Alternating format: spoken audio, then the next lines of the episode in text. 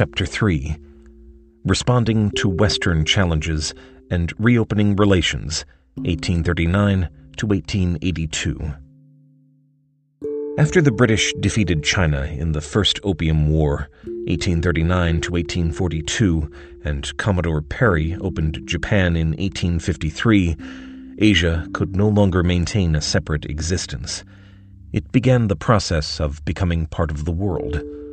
The immediate threat from the West to China and Japan was to their military security and to their economic resources, which Westerners were ready to exploit. To respond to these threats effectively, China and Japan had to find a method for conscripting more soldiers and training them, and they also had to create an industrial base and a communications and transport network. They needed a taxation system to raise more funds, a modern bureaucracy with new specializations to guide such efforts, an expanded educational system to train people in new skills, and a stronger centralized leadership structure to cope with the entrenched interests and to coordinate new developments. To those who sought to preserve their old ways, threats came not only from Westerners, but also from those in their own country who were trying to initiate change. In 1882, when China and Japan clashed in Korea, China won the first round in their military confrontation. But by 1895, Japan had proved more successful in overcoming domestic resistance and implementing a comprehensive program to modernize the country. During the following century, Japan was in the stronger position in relations between the two countries. Japan's advantages in responding to Western challenges. Japan had some natural advantages over China that allowed it to respond more quickly to the massive challenges from the West. It was easier to get a unified national response in a compact territory of four small islands, and the sea transportation available at the time made it relatively easy to establish communications and transportation links among all parts of Japan. In China, until the 1880s, when the first telegraph wires were laid, it took nearly a month for government communications to travel from one end of the country to the other. Living on a small group of islands, the Japanese had long felt more vulnerable to dangers from across the sea than the Chinese had. That sense of danger had made them eager to acquire more information from abroad. Chinese leaders had long worried about possible invaders by land coming by horseback from the north, and they were less concerned about learning about the world across the seas.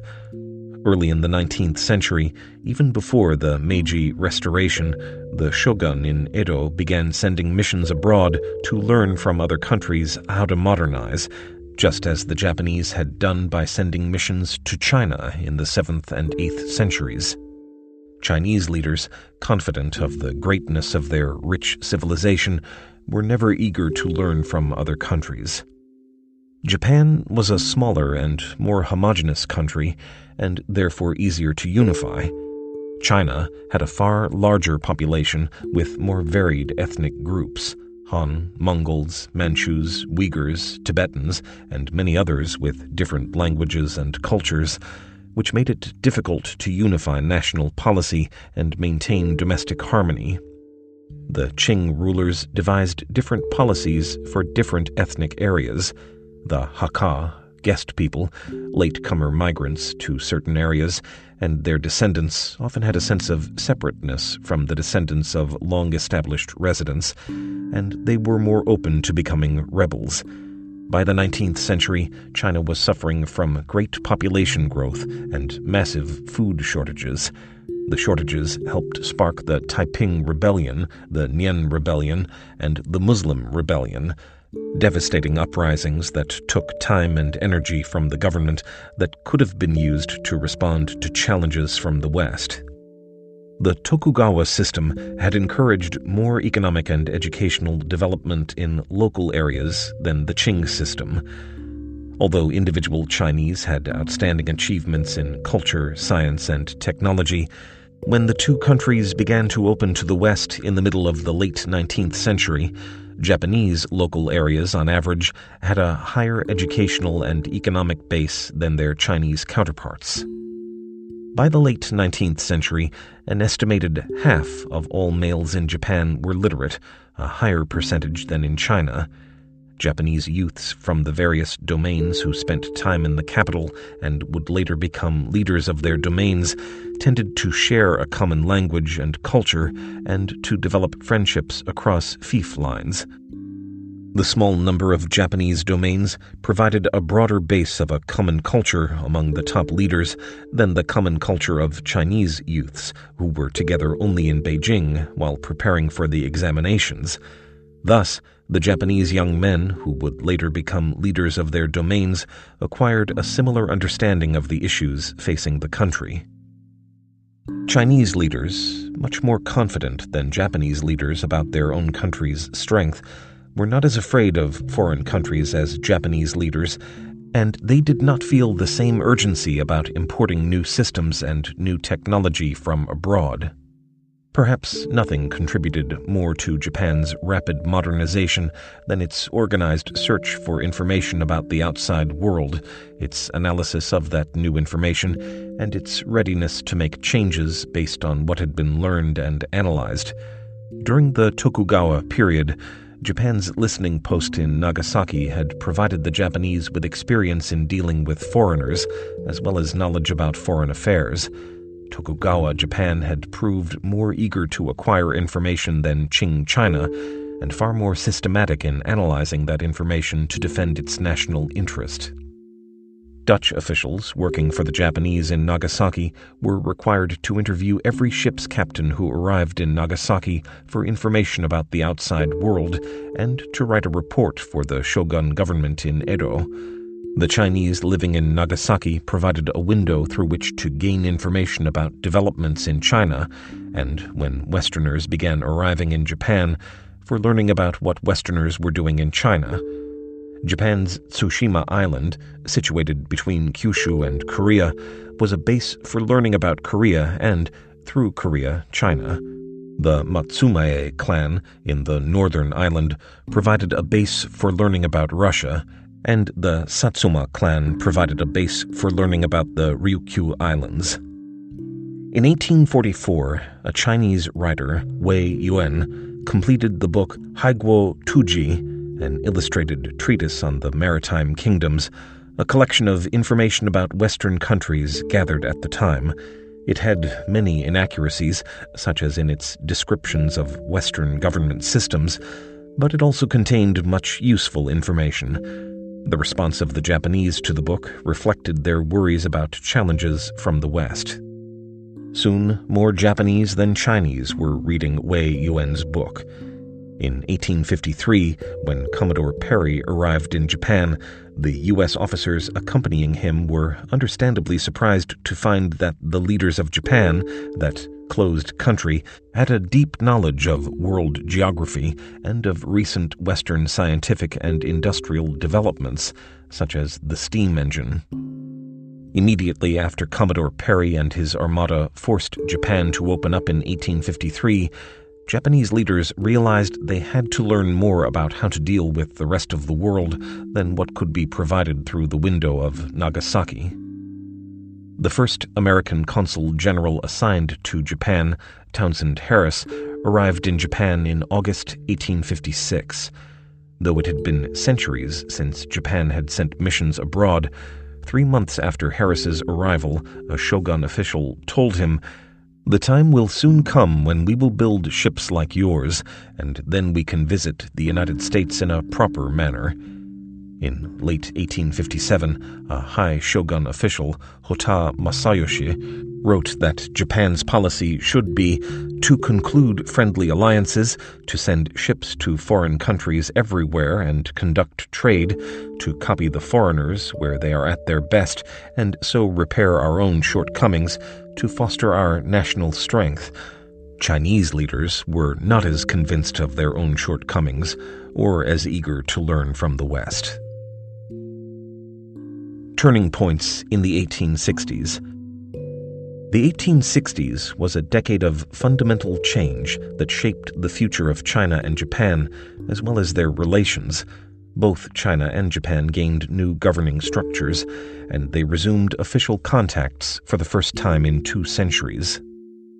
When the Tongzhi Restoration took place in 1861, the Second Opium War was over and the Taiping were losing power. By 1864, they were thoroughly defeated. This gave China's new Tongzhi leadership an opportunity to arrest the dynastic decline and rebuild national strength. In Japan, the shogun was overthrown in 1868, and the Meiji Restoration gave Japan a new leadership structure to confront its problems.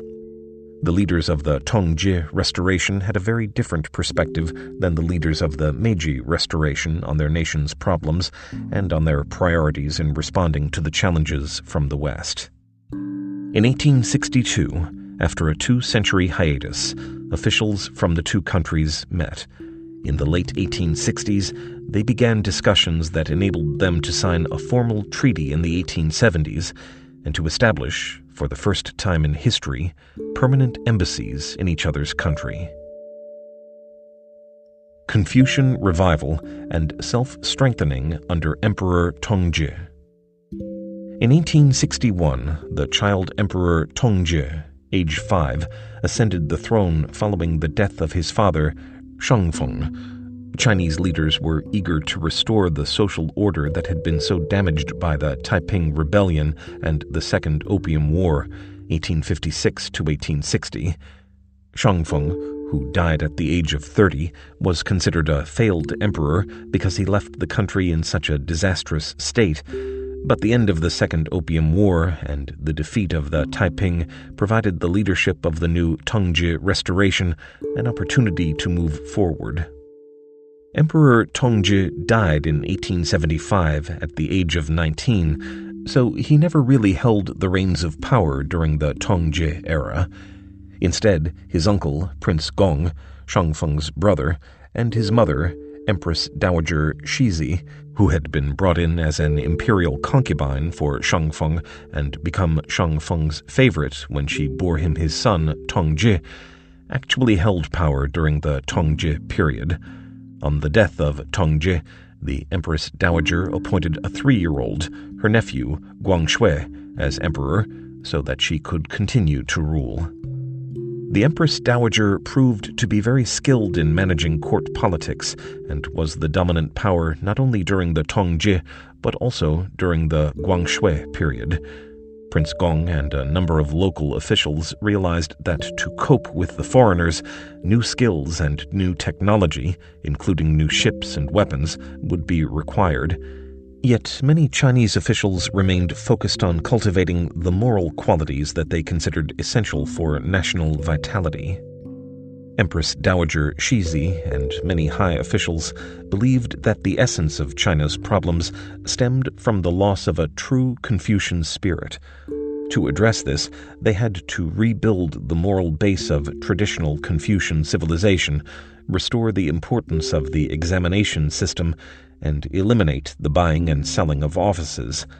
The Empress Dowager valued the importance of symbolism she undertook the building of a grand palace that would help strengthen the dynasty, and later, during the Guangxu era, after the summer palace had been destroyed, she sought to build a new, vast, and expensive summer palace. In 1861, China launched the self strengthening movement, focused on training its own troops, building its own ships, and producing its own military weapons. With the support of Prince Gong, Li Hongzhang, Zeng Guofan, and others established factories to produce weapons. Initially, they made use of foreign workers to help build the factories. They established the Jiangnan Arsenal in Shanghai, which by 1871 was already producing rifles. They also built naval dockyards in Fuzhou, Shanghai, and elsewhere. By the 1880s, China had moved ahead of Japan in purchasing ships and then building them on its own. In the 1880s, Li Hongzhang established the China Merchants Steam Navigation Company so that China would have its own commercial shipping to help Chinese merchants. Although the Empress Dowager had originally delayed the building of railways because she considered them too noisy, by the 1890s, railways were being built to link the port cities with cities in eastern and central China. The Chinese also began creating public utilities. The Chinese sent a mission abroad to learn about foreign developments, but the mission was not as large or as systematic as Japan's Iwakura mission of 1871 to 1873, and after its return, the members of the mission did not play the key role that their Japanese counterparts had played in designing and implementing new programs. However, because many foreigners had cooperated with Zeng Guofan, the great political and military leader who led the fight against the Taiping rebels, China was able to use its contacts with them to obtain information that would be useful for producing the technology and military equipment required during the self strengthening movement. As Jenny Huangfu Day concludes from her study of Chinese missions sent abroad during this period, the Chinese who took part in the missions had a broad range of contacts, and some of them had a good understanding of the science and technology they observed. They made thoughtful individual efforts to come to terms with the differences between Western and Chinese cultures. In May 1868, three years before Japan's Iwakura mission set out, a Chinese delegation, the Burlingame Mission, arrived in the United States. This delegation went on to spend extended time in Britain, France, Prussia, and Russia, with briefer visits to other European countries before it returned to China in October 1870. The purpose of the delegation was to better learn how Westerners conducted diplomacy and to attempt to bring about a revocation of the so called unequal treaties. Anson Burlingame, a highly respected American who had recently retired after seven years as the second U.S. minister, in effect the ambassador, to Beijing, was appointed by the Chinese to lead the delegation. On the mission, there were some 30 members, including two senior Chinese representatives. On behalf of China, Burlingame negotiated the Burlingame Seward Treaty, considered China's first equal treaty. Burlingame died of pneumonia in February 1870 while on the trip, and two Chinese delegates, Jigang, a Manchu, and Sun Jiagu, a Han, both degree holding officials well trained in the classics, took over as leaders of the delegation for the remainder of the trip. The mission met with heads of state, including the Russian Tsar, diplomats, business people, missionaries, and Chinese citizens who were living abroad. In Europe, they visited industrial sites, mines, and shipyards. They observed steam engines and the use of electricity. In his diary, Jigang revealed a good understanding of the machinery he saw during the trip and of the scientific principles that underlay such new technology. The delegates also engaged in broad ranged discussions, and as their diaries show, they asked discerning questions. For example, they asked missionaries why Christians, who had such high ideals and performed such good work in China, were bullying Chinese workers in the California mines and oppressing people in the colonies. On their return, the participants wrote reports and memorials, and Jigang's more detailed diary of informal observations was later published as a book. Some of the Chinese participants on the missions that China sent abroad, including Zeng Jize, eldest son of Zeng Guofan, had positive opinions of the things they had observed and got in trouble with the conservative officials at home for being too sympathetic toward foreign customs. Li Hongzhang and other officials, however, took a great interest in what the Chinese travelers reported about developments abroad and encouraged participants to provide broad descriptions of political and economic matters. Empress Dowager Cixi personally met with some of the mission participants to understand what was happening abroad. However, a group of conservative officials in high positions, well trained in the Confucian tradition, did not support the efforts to modernize and did not implement any of their suggestions. The result was that, unlike the Iwakura mission, which returned to lead Japan's rapid industrial and technological advances, the Burlingame mission members were unable to make good use of what they observed. While Japanese leaders were investing in industry and infrastructure, Korean and Chinese leaders were looking to restore a national spirit in their countries by displaying imperial grandeur through lavish new buildings.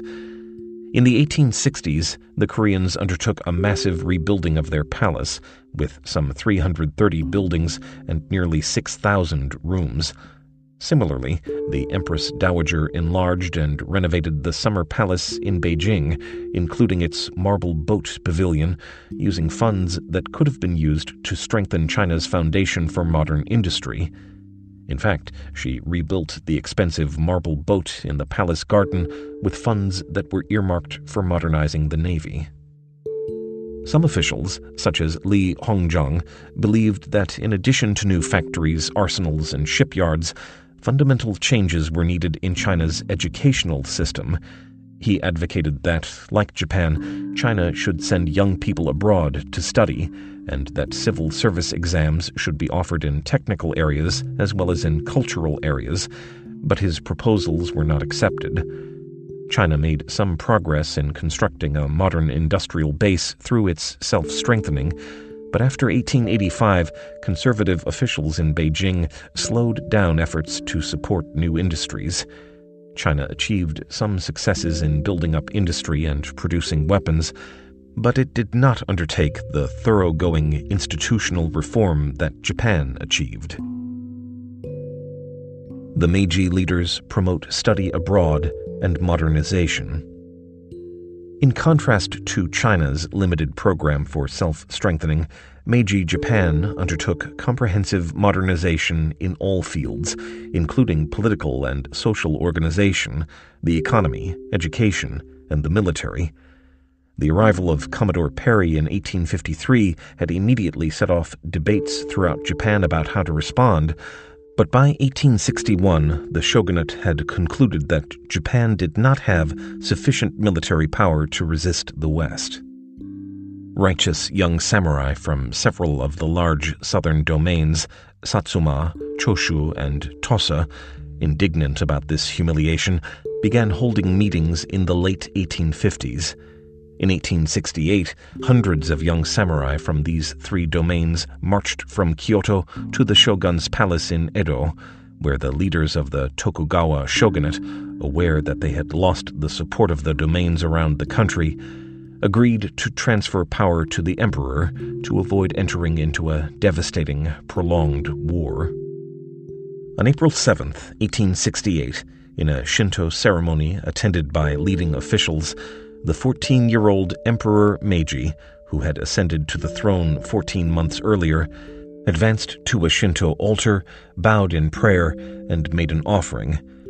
An official, in the name of the emperor, then read from the charter oath, proclaiming that all future matters would be decided by public discussion and that knowledge would be sought from throughout the world.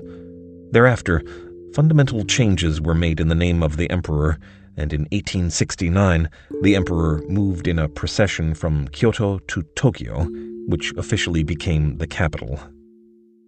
The samurai rebels agreed that for Japan to survive, it not only had to abolish the old domains and create prefectures under a new national administrative system, but it also had to abolish the formal class system that had given them their special status as samurai.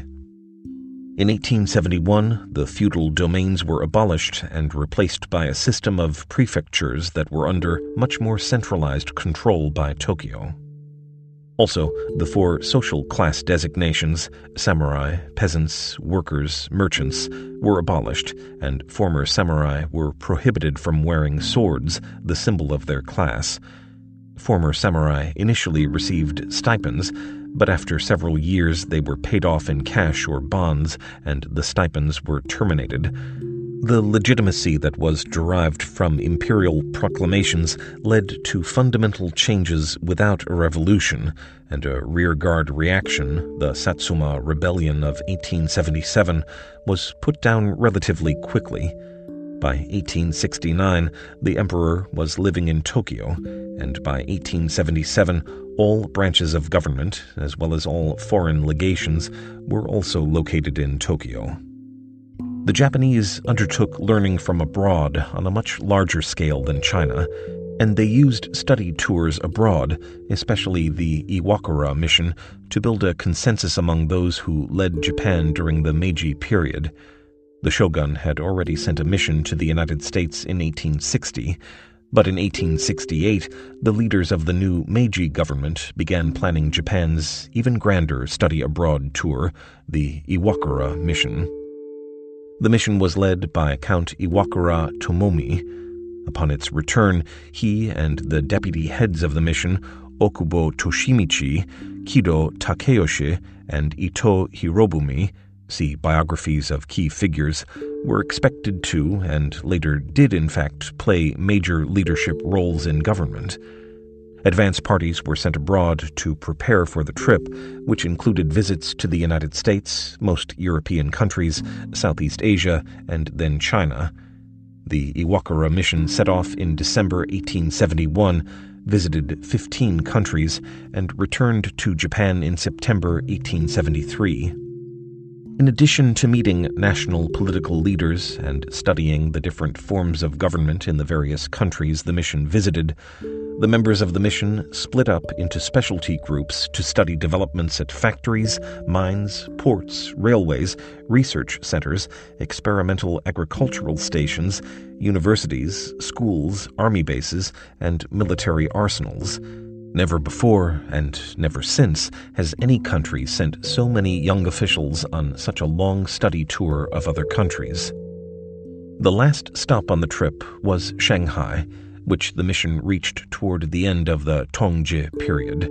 The mission members spent less than three days in Shanghai, where they were given an elaborate welcome banquet by the top Shanghai official, Chung Fuon. They were not entirely shocked by what they saw in the city because Japanese officials had been going to Shanghai since the 1862 Senzai Maru visit. However, after seeing the wonders that industrialization had brought to the United States and Europe, the travelers were struck by how much China had fallen behind. Kume Kunitake, the chief chronicler of the voyage, recorded his impressions of Shanghai. There are no sewers, and urine flows along the streets. Amid all this, the inhabitants seem quite unconcerned. Believing that the Japanese were harboring illusions about Chinese sophistication based on the past, he tried to correct the view of his countrymen who regarded every Chinese to be a refined gentleman well versed in literature and the arts. Thus, in Japan, the custom still persists of holding any curios, calligraphy, paintings, poetry, or literature from China in high esteem. Under the Qing dynasty, he wrote, learning has been stagnant in China. At the time of the Tang Dynasty, there had been so much to learn from China, but by 1873, the mission members felt that there was very little they could learn. Many of the travelers continued to nourish the hope that China, Japan, and Korea could work together to resist the advances of Western imperialism but some had already begun wondering whether that would be possible when China was so far behind, so disorganized, lacking a strategy that could be effective in responding to the West, and short of wise overall leadership. But, like Japanese officials on the Senzai Maru's visit to China, the Iwakura mission officials expressed great compassion for the impoverished Chinese people, a sense of kinship with people whose culture they shared, a sense of sadness about what had happened to the great civilization, and hope that the situation in China would improve. When the mission returned home, chronicler Kume Kunitake compiled his diary notes into five volumes reporting on what participants on the Iwakura mission had learned. These volumes became part of a basic handbook guiding discussions of what changes were to be introduced in Japan and the compilations of later volumes from the trip were used to guide industrial policy. Japan sent additional observers abroad to follow up with more specialized studies on certain topics. Those who were sent abroad were convinced of the depth of the changes required to bring about modernization in Japan. During the trip, they had opportunities to discuss what might be appropriate for Japan and by the time they returned to Japan, they were beginning to arrive at a consensus about the broad features of the programs that needed to be designed. After their return, the mission members were placed in key government positions from which they could begin to plan the institutions and programs necessary to build a modern country. Many disagreements on specific issues followed, but no other country undertaking modernization had such a deep and broad common understanding of the issues involved.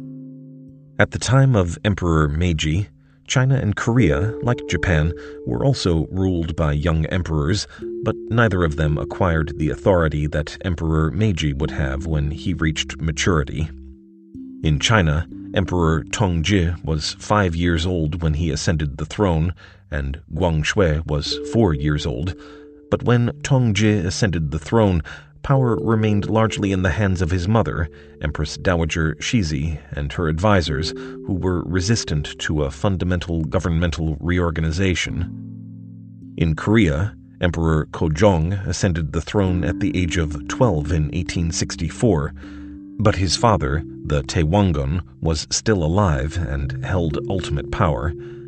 Even after 1873, when King Kojong and Queen Min and her family temporarily pushed aside the Taewongun, the conservative Taewongun remained influential. In Japan, in contrast, in the name of the emperor, the young samurai, inspired by what they saw on the Iwakura mission, moved boldly to bring about great changes. The senior advisors to Emperor Meiji began tutoring him in 1868, preparing him for those issues he would face when he reached maturity and became Japan's ultimate authority. Japan's military modernization. Within two decades of the Meiji Restoration, Japan built a national army with unified direction and organization.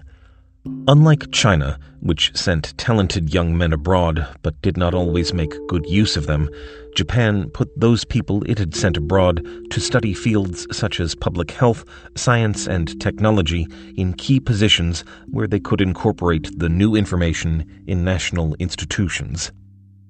In 1870, a bright young student from the Satsuma domain, Oyama Iwao, was sent to France after training in the language, he began studying the French military. He had arrived in France in time to observe the French army in the Franco Prussian War, July 1870 to May 1871, and when he returned to Japan, he played a role in shaping the development of the Japanese army, rose in the ranks to become Minister of War, and was able to incorporate what he had learned abroad as he guided the nation's military. Oyama not only advanced military training in Japan, but also accepted the need for rules that placed limits on violence. He required that his military officers take a course on the laws of war. He supported Japan's decision to join the 1864 Geneva Convention on the proper treatment of the wounded, and he was later a founder of Japan's Red Cross.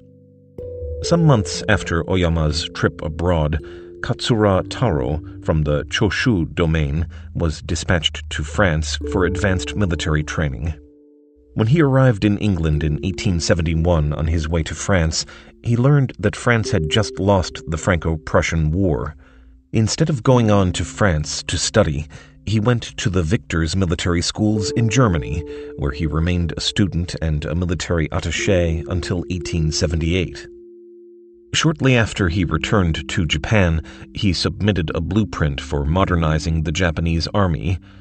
Yamagata Aritomo, supreme military advisor to Emperor Meiji, was favorably impressed with Katsura's plans and used them as the basis for his broad ranged plans to modernize the army. Katsura later served as war minister for three terms and as prime minister during the period of the Russo Japanese War.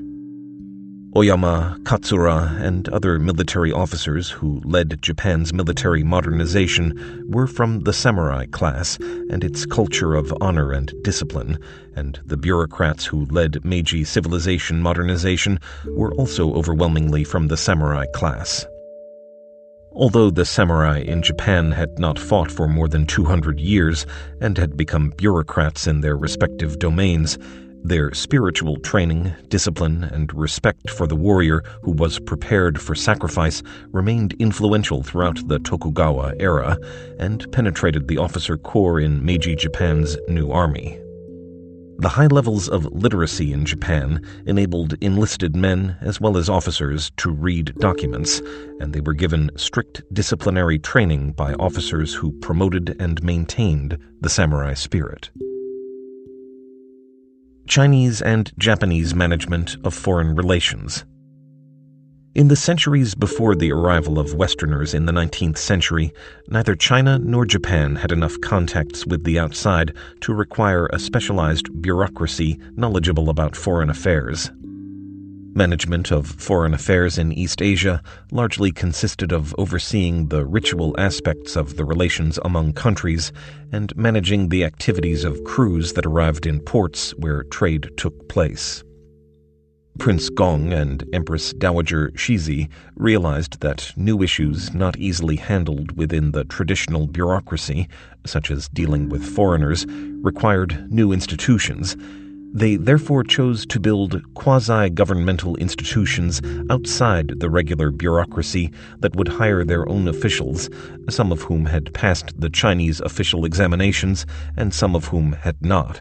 This provided some flexibility for China in adapting to the changing world, but it also resulted in a governmental structure at the top that was led by Manchu Confucian literati most of whom lacked specialized training and were not eager to learn from those they considered barbarians.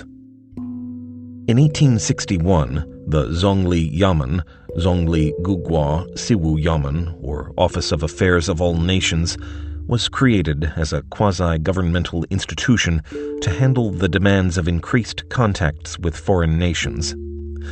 Officials were assigned to interact with foreigners and also to build up the arms necessary to resist pressures from foreign nations.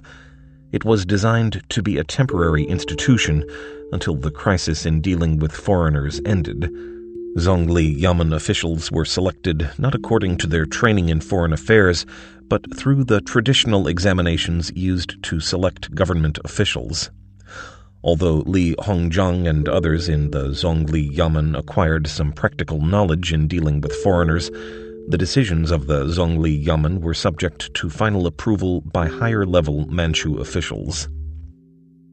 The Imperial Maritime Customs Service was established in 1854, before the Tongzhi Restoration.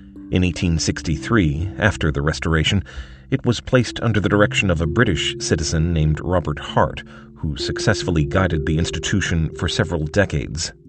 Hart, who had studied the Chinese classics, had arrived in China in 1854 to work in the British consulate. He proved to be remarkably successful in building an institution that worked with the Chinese government as well as with the British and French, managing the growth of contacts that stemmed from the increased trade between China and other countries. The Imperial Maritime Customs Service was staffed by both foreigners and Chinese citizens, and over the years it established offices in all of China's ports. It not only collected customs, which grew to represent nearly half of the government's budget, but also managed the harbors, trained diplomats, and undertook studies of foreign affairs.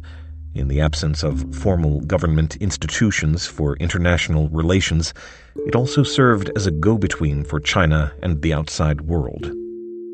In 1862, a school for interpreters opened in Beijing, and soon thereafter, foreign language schools were opened in Shanghai, Guangzhou, and Fuzhou. Chinese leaders, who were much more confident than the Japanese about the ability of Confucian generalists to deal with outsiders, both Japanese and Westerners, did not give important positions to Chinese officials who had studied Western legal systems.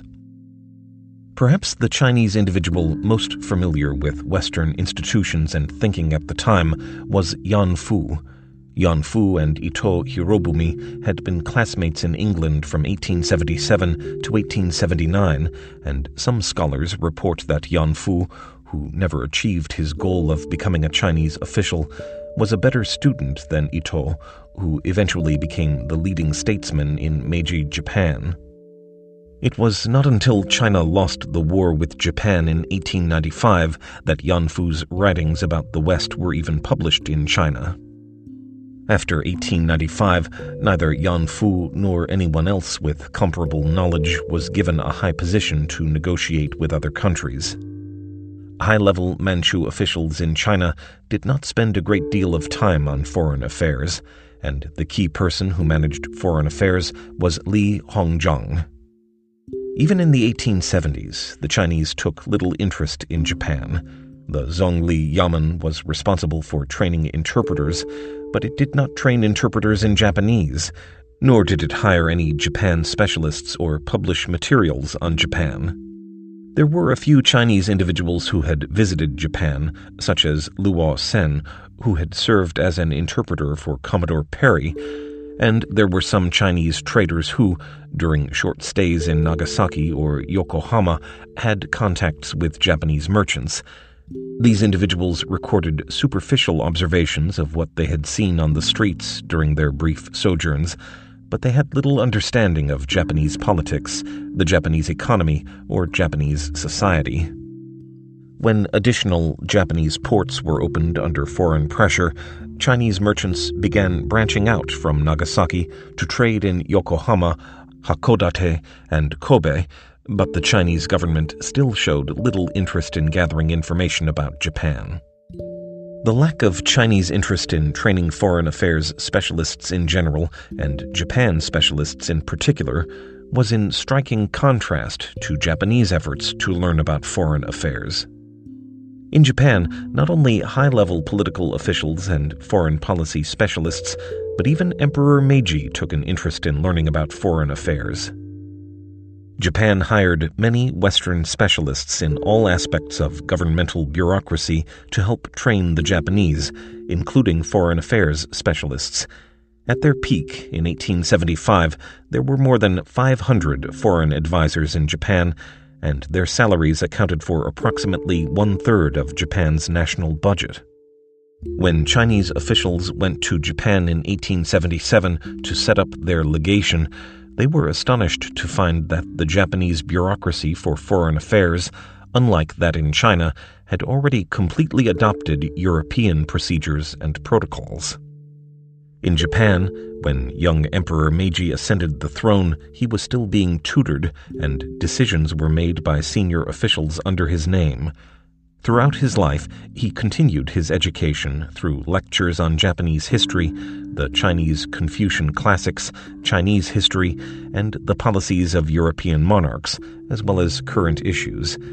Count Iwakura, observing the emperor's intellectual growth, believed that when Emperor Meiji reached maturity, he had acquired sufficient knowledge and sound judgment to make all decisions on his own.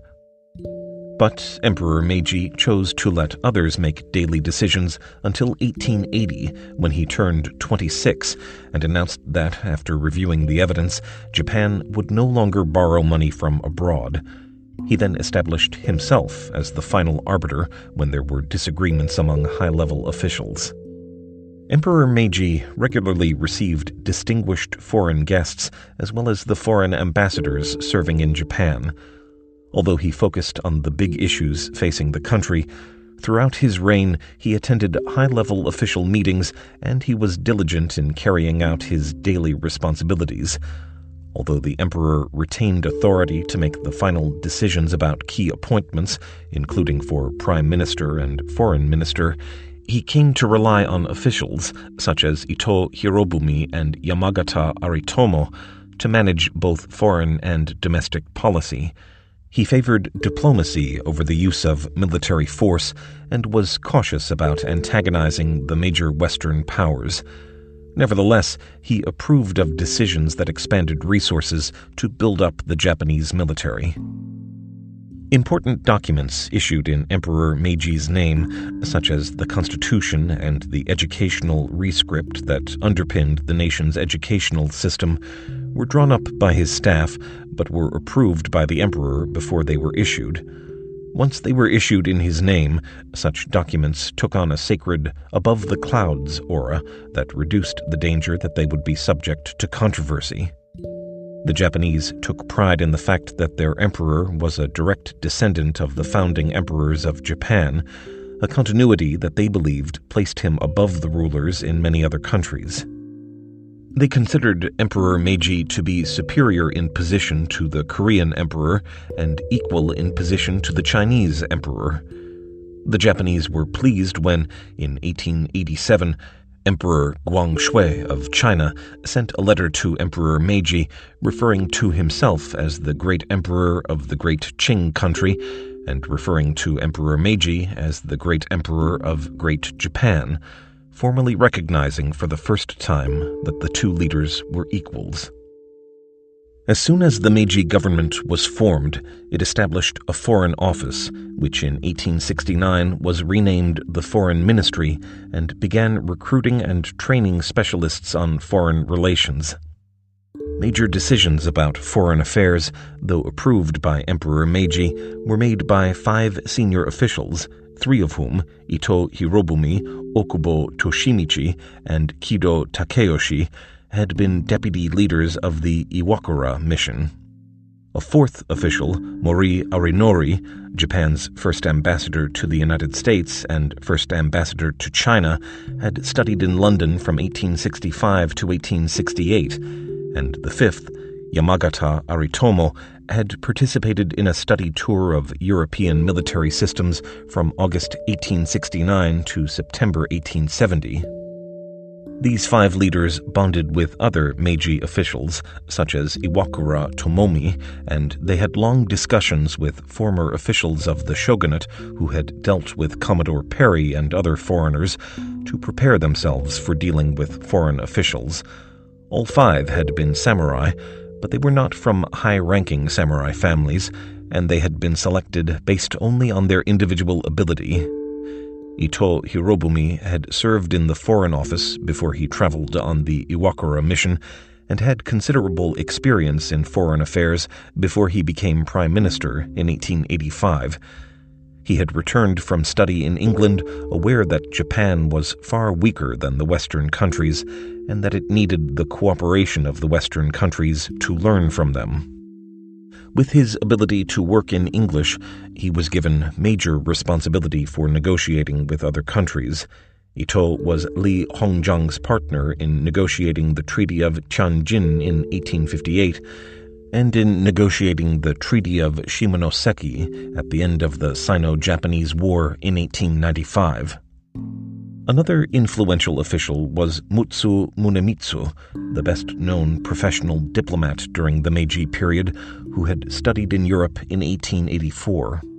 He played a key role in the strategic decisions in Japan's confrontation with China in 1894 to 1895 and he spent many years trying to end the unequal treaties with the Western powers. By 1899, when Mutsu achieved his goal of ending the unequal treaties, he had already earned a high reputation.